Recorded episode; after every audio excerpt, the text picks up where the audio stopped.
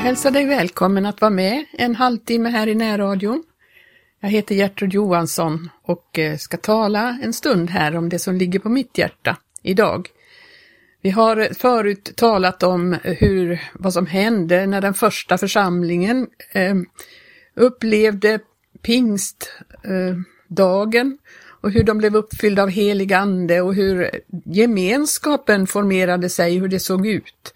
Och vi konstaterade också förra gången hur det annorlunda det ser ut idag i församlingar och gemenskaper mot vad vi kan se där i Guds ord.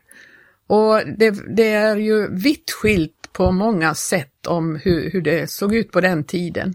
Och hur ska då en kristen människa kunna orientera sig i det andliga eller vad ska man säga, kristenhetens eh, topografi. Hur, hur ska man komma rätt? Hur ska man veta vad som är sant och riktigt? Det finns så mycket olika riktningar och olika uttryck för hur en församling ser ut. Hur ska man kunna komma rätt i det här? Vi går till Guds ord och där finner vi ett svar i första Johannes brev. I fjärde kapitlet så står det så här. Mina älskade, tro icke var och en ande, utan pröva andarna, huruvida de är av Gud. Ty många falska profeter har gått ut i världen. Därpå ska ni känna igen Guds ande. Var och en ande som bekänner att Jesus är Kristus, kommen i köttet, han är av Gud. Men var och en ande som inte så bekänner Jesus, han är inte av Gud. Den anden är Antikrists ande, om vilken ni har hört att den skulle komma och som redan nu är i världen. Ni kära barn, ni är av Gud och har övervunnit dessa, ty han som är i eder är större än den som är i världen. Det är av världen. Därför talar de vad som är av världen och världen lyssnar till dem. Vi åter är av Gud. Den som känner Gud, han lyssnar till oss. Den som icke är av Gud, han lyssnar icke till oss. Härpå känner vi igen sanningens ande och villfarelsens ande. Det var ju klara besked. Vi ska pröva andarna. Vi ska verkligen inte tro allt som ger sig ut för att vara kristendom. Och vi, vi ser också att det här som ger sig ut för att vara kristendom men som inte är det, det tillhör faktiskt världen. Världen innehåller väldigt, väldigt mycket och världen innehåller väldigt mycket religiöst också. Det är verkligen inte så att det bara är allt utanför det som kallas kristet som är världen. Nej, det finns mycket falsk kristendom som också är av världen. Men hur ska vi då kunna känna igen andarna? Som, det står ju så här. Därpå ska ni känna igen Guds ande, var och en ande som bekänner att Jesus är Kristus kommen i köttet, han är av Gud. Och det låter ju eh, ganska enkelt. Då, så säger väl de flesta som kallar sig kristna. Man, känner, man bekänner att Jesus är Kristus, kommen i köttet. Att Jesus är den smorde, Kristus betyder den smorde, den som Gud har valt, den som han har insatt till frälsare, Messias. Och att det är Jesus som är denne Kristus. Ja, men frågan är då, vilken Jesus menar de när de säger så? Och då måste vi titta, för, för det här bibelordet innehåller så mycket mer än vad det ytligt sett ser ut att göra. Bibelordet talar ju om Jesus, den Jesus som vandrade här på jorden, han som gick här och, och genom sitt liv visade på sanningen, genom sitt liv, han var sanningen. Han gestaltade sanningen, han gestaltade ordet, denne Jesus som gick här Och när eh, Johannes skriver det här så skriver ju han till människor som visste vem Jesus var och hur han levde, hur han såg ut, hur han talade. Allt detta visste de här människorna som han skrev till. Det är han som är Kristus, det är han som är Guds smorde. Men eh, idag så ser vi att människor gestaltar så mycket annat. Man säger att man tror på Jesus, men med sitt liv så ser man någonting helt annat. Man ser någonting annat gestaltas. Eh, vad är det som framträder när, när människorna eh, talar Guds ord, talar och predikar? Eh, vad, vad är det som är kännetecknande? Är det Jesus, den Jesus, skriftens Jesus, som framträder?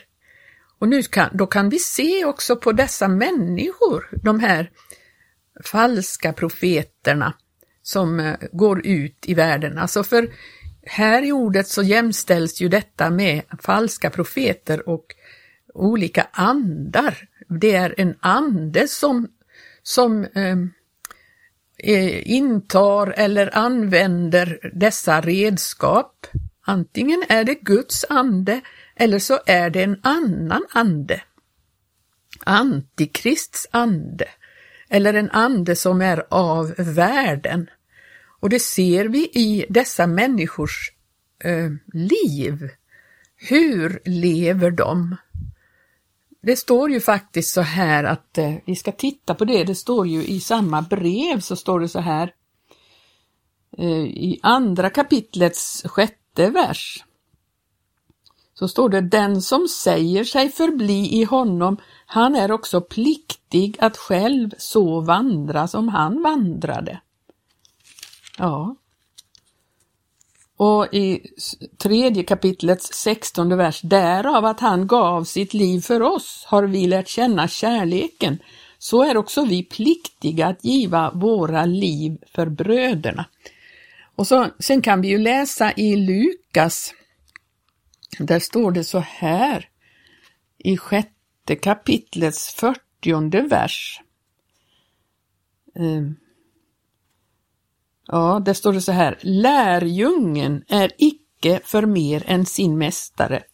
När någon bliver fullärd så bliver han allenast sin mästare lik. Och vi vet ju vad, vad Jesus förkunnade. Han, vad han förkunnade om när det gäller eh, detta med världen och världens, allt som världen har. Jesus var inte inte intresserad av att samla in pengar. Det gjorde inte han. När den rike ynglingen kom och ville veta vägen så sa Jesus, gå och sälj allt vad du äger och ge åt de fattiga.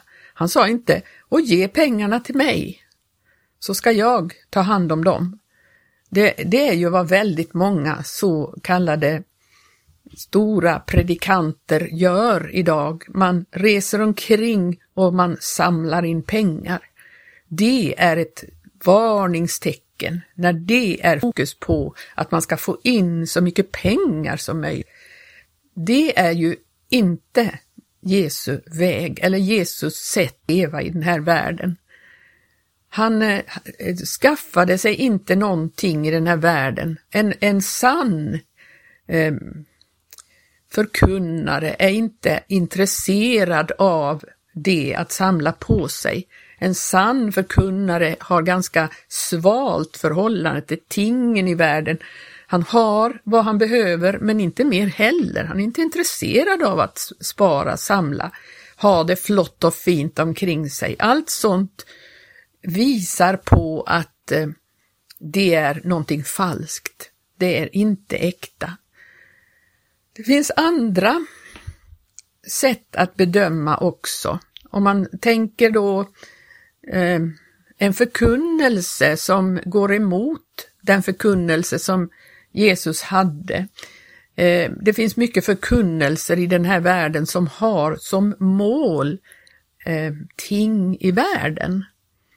Man eh, visar på att eh, vi ska då genomsyra det här samhället, vi ska, vi ska i stort sett, eh, ja det är en väldigt farlig förkunnelse som har kommit i vår tid nu, att man säger att alla vi kristna, vi ska inta alla de samhällsbärande eh, funktionerna i, i samhället.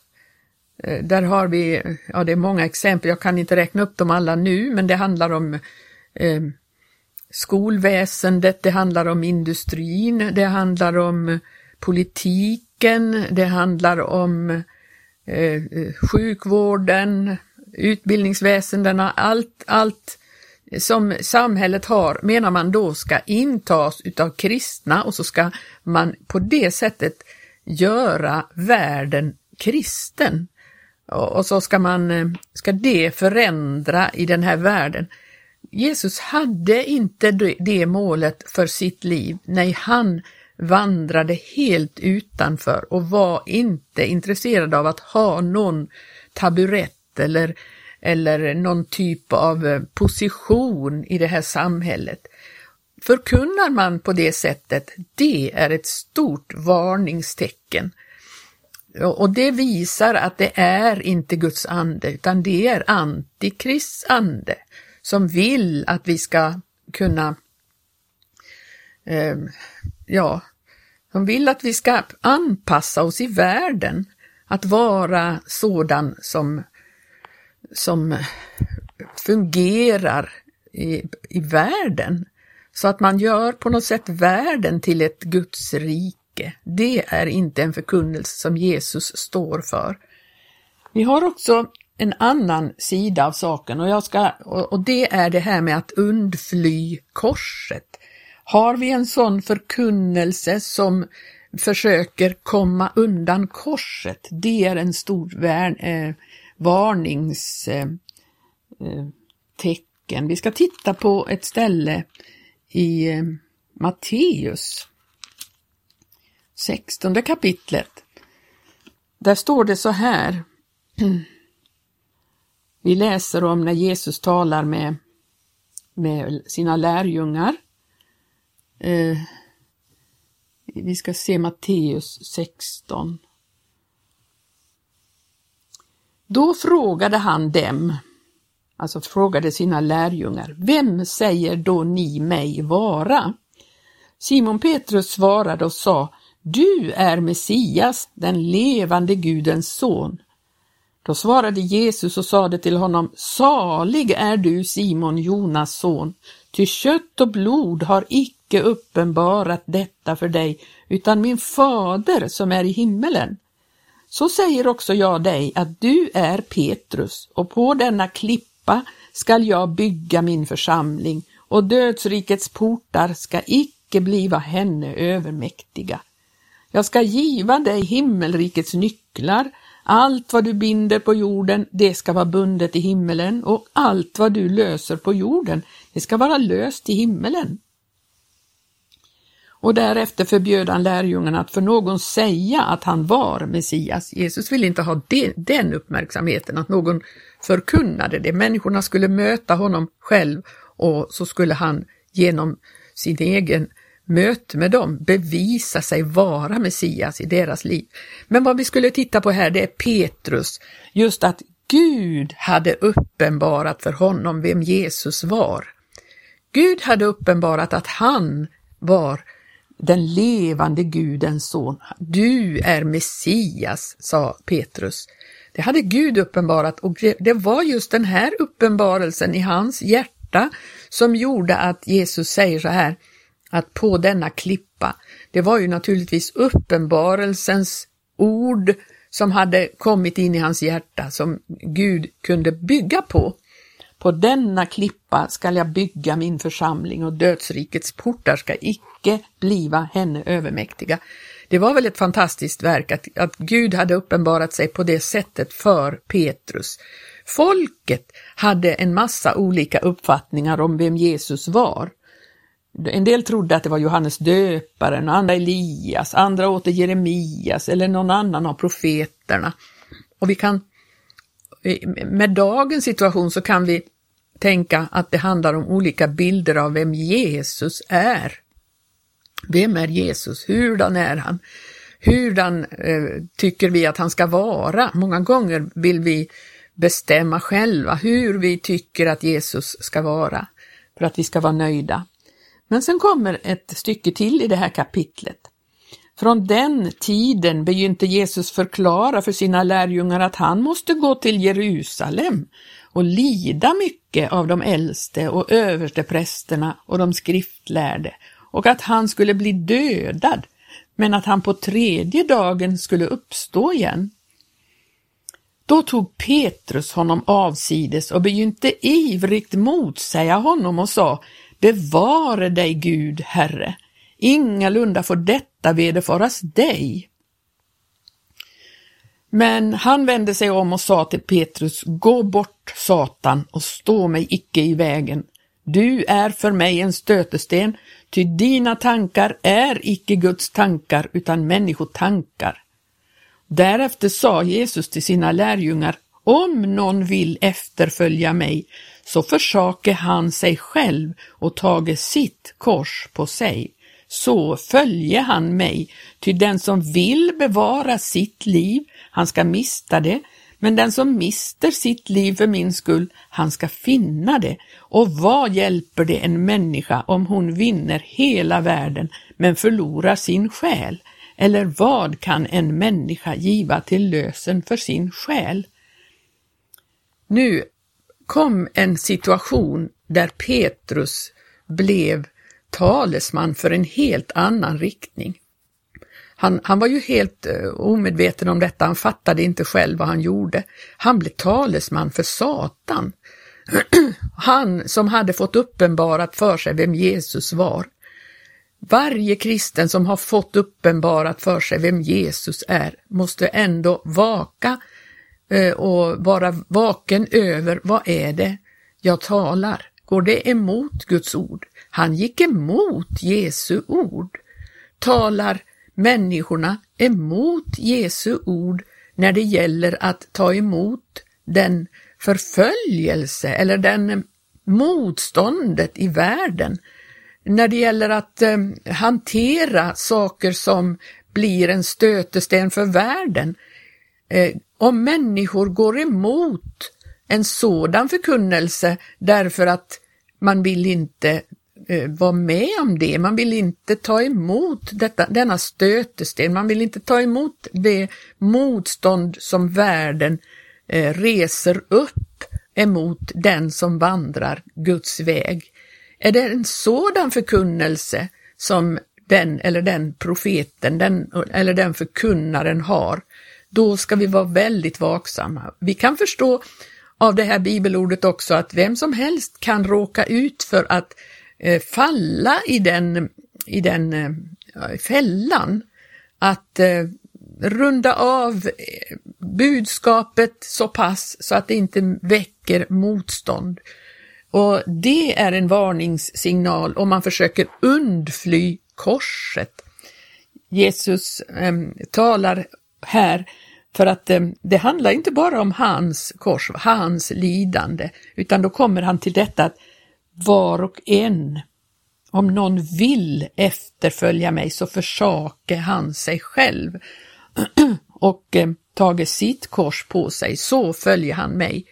Jesus såg här att här handlar det om att tala eh, på ett sådant sätt så att det, man undflyr korset. Det är ju väldigt viktigt att vandra på den vägen som Jesus gick, att själv så vandra som han vandrade. Då blir man en fiende till världen och blir inte populär. Och det här får vi inte ta emot en sån förkunnelse som tar bort stötestenen. Då, då är vi illa ute. Ja. Jag ska läsa i, i Filipperbrevet här för att eh, Paulus skriver om det här i Filipperbrevet. Han skriver själv att han vill lära känna Jesus i tredje kapitlet Eh, han upplever att det som finns i världen är en förlust för honom i frågan om detta att lära känna honom. Han säger så här, allt det som var mig en vinning, Filippe Filipperbrevet 3 och 7, det har jag för Kristi skull räknat så som en förlust. Ja, jag räknar i sanning allt så som förlust mot det som är långt mer värt, kunskapen om Kristus Jesus min Herre, ty det är för hans skull som jag har gått förlustig alltsammans och nu räknar det så som avskräde, på det att jag må vinna Kristus och bli funnen i honom, inte med min egen rättfärdighet, men den, den som kommer av lag, utan med den rättfärdighet som kommer genom tro på Kristus, rättfärdigheten av Gud på grund av tron. Ty jag vill lära känna honom och hans uppståndelses kraft och få känna delaktighet i hans lidanden i det jag blivit honom lik genom en död sådan som hans, om jag så skulle kunna nå fram till uppståndelsen från de döda. Och så ser, tittar vi i vers 17. Mina bröder, var och ni mina efterföljare och se på dem som vandrar på samma sätt som jag, eftersom ni ju har oss till föredöme. Ty det är, så som jag ofta har sagt er och nu åter måste säga under tårar, många vandrar som fiender till Kristi kors och deras ände är fördärv. De har buken till sin Gud och söker sin ära i det som är deras skam och deras sinne är vänt till det som hör jorden till. Vi åter har vårt medborgarskap i himmelen och därifrån väntar vi och Herren Jesus Kristus såsom frälsare, vilken ska så förvandla vår förnedringskropp att den blir lik hans härlighetskropp genom den kraft varmed han och kan underlägga sig allt. Det är kanske inte är så lätt att förstå det här, men det är faktiskt så att det är väldigt många som undflyr korset, undflyr förföljelsen, undflyr detta med att vara en stötesten för världen. Och det är inte Guds ande, utan det är antikrists ande. Och därpå kan vi känna igen vad är det som är av Gud. Vi åter är av Gud. Den som känner Gud, han lyssnar till oss. Och eh, den som icke är av Gud, han lyssnar icke till oss. Härpå känner vi igen sanningens ande och villfarelsens ande. Den som verkligen känner Gud och förstår hans ord känner igen det när han hör det. Han känner igen och upplever att här är det Guds ande som talar. Vi måste pröva andarna, vi får inte höra på allt som sägs och tro allt som hörs. Det hjälper inte att det är under och tecken eller manifestationer. Vilken förkunnelse är det och vilken är det eh, hur gestaltas det i budbärarnas egna liv? Därpå känner vi igen om det är Guds ande eller världens ande. Det är svårt kanske att fatta allt det här, men Gud välsigne dig att forska vidare i det här och fatta och förstå vad Gud vill ha sagt.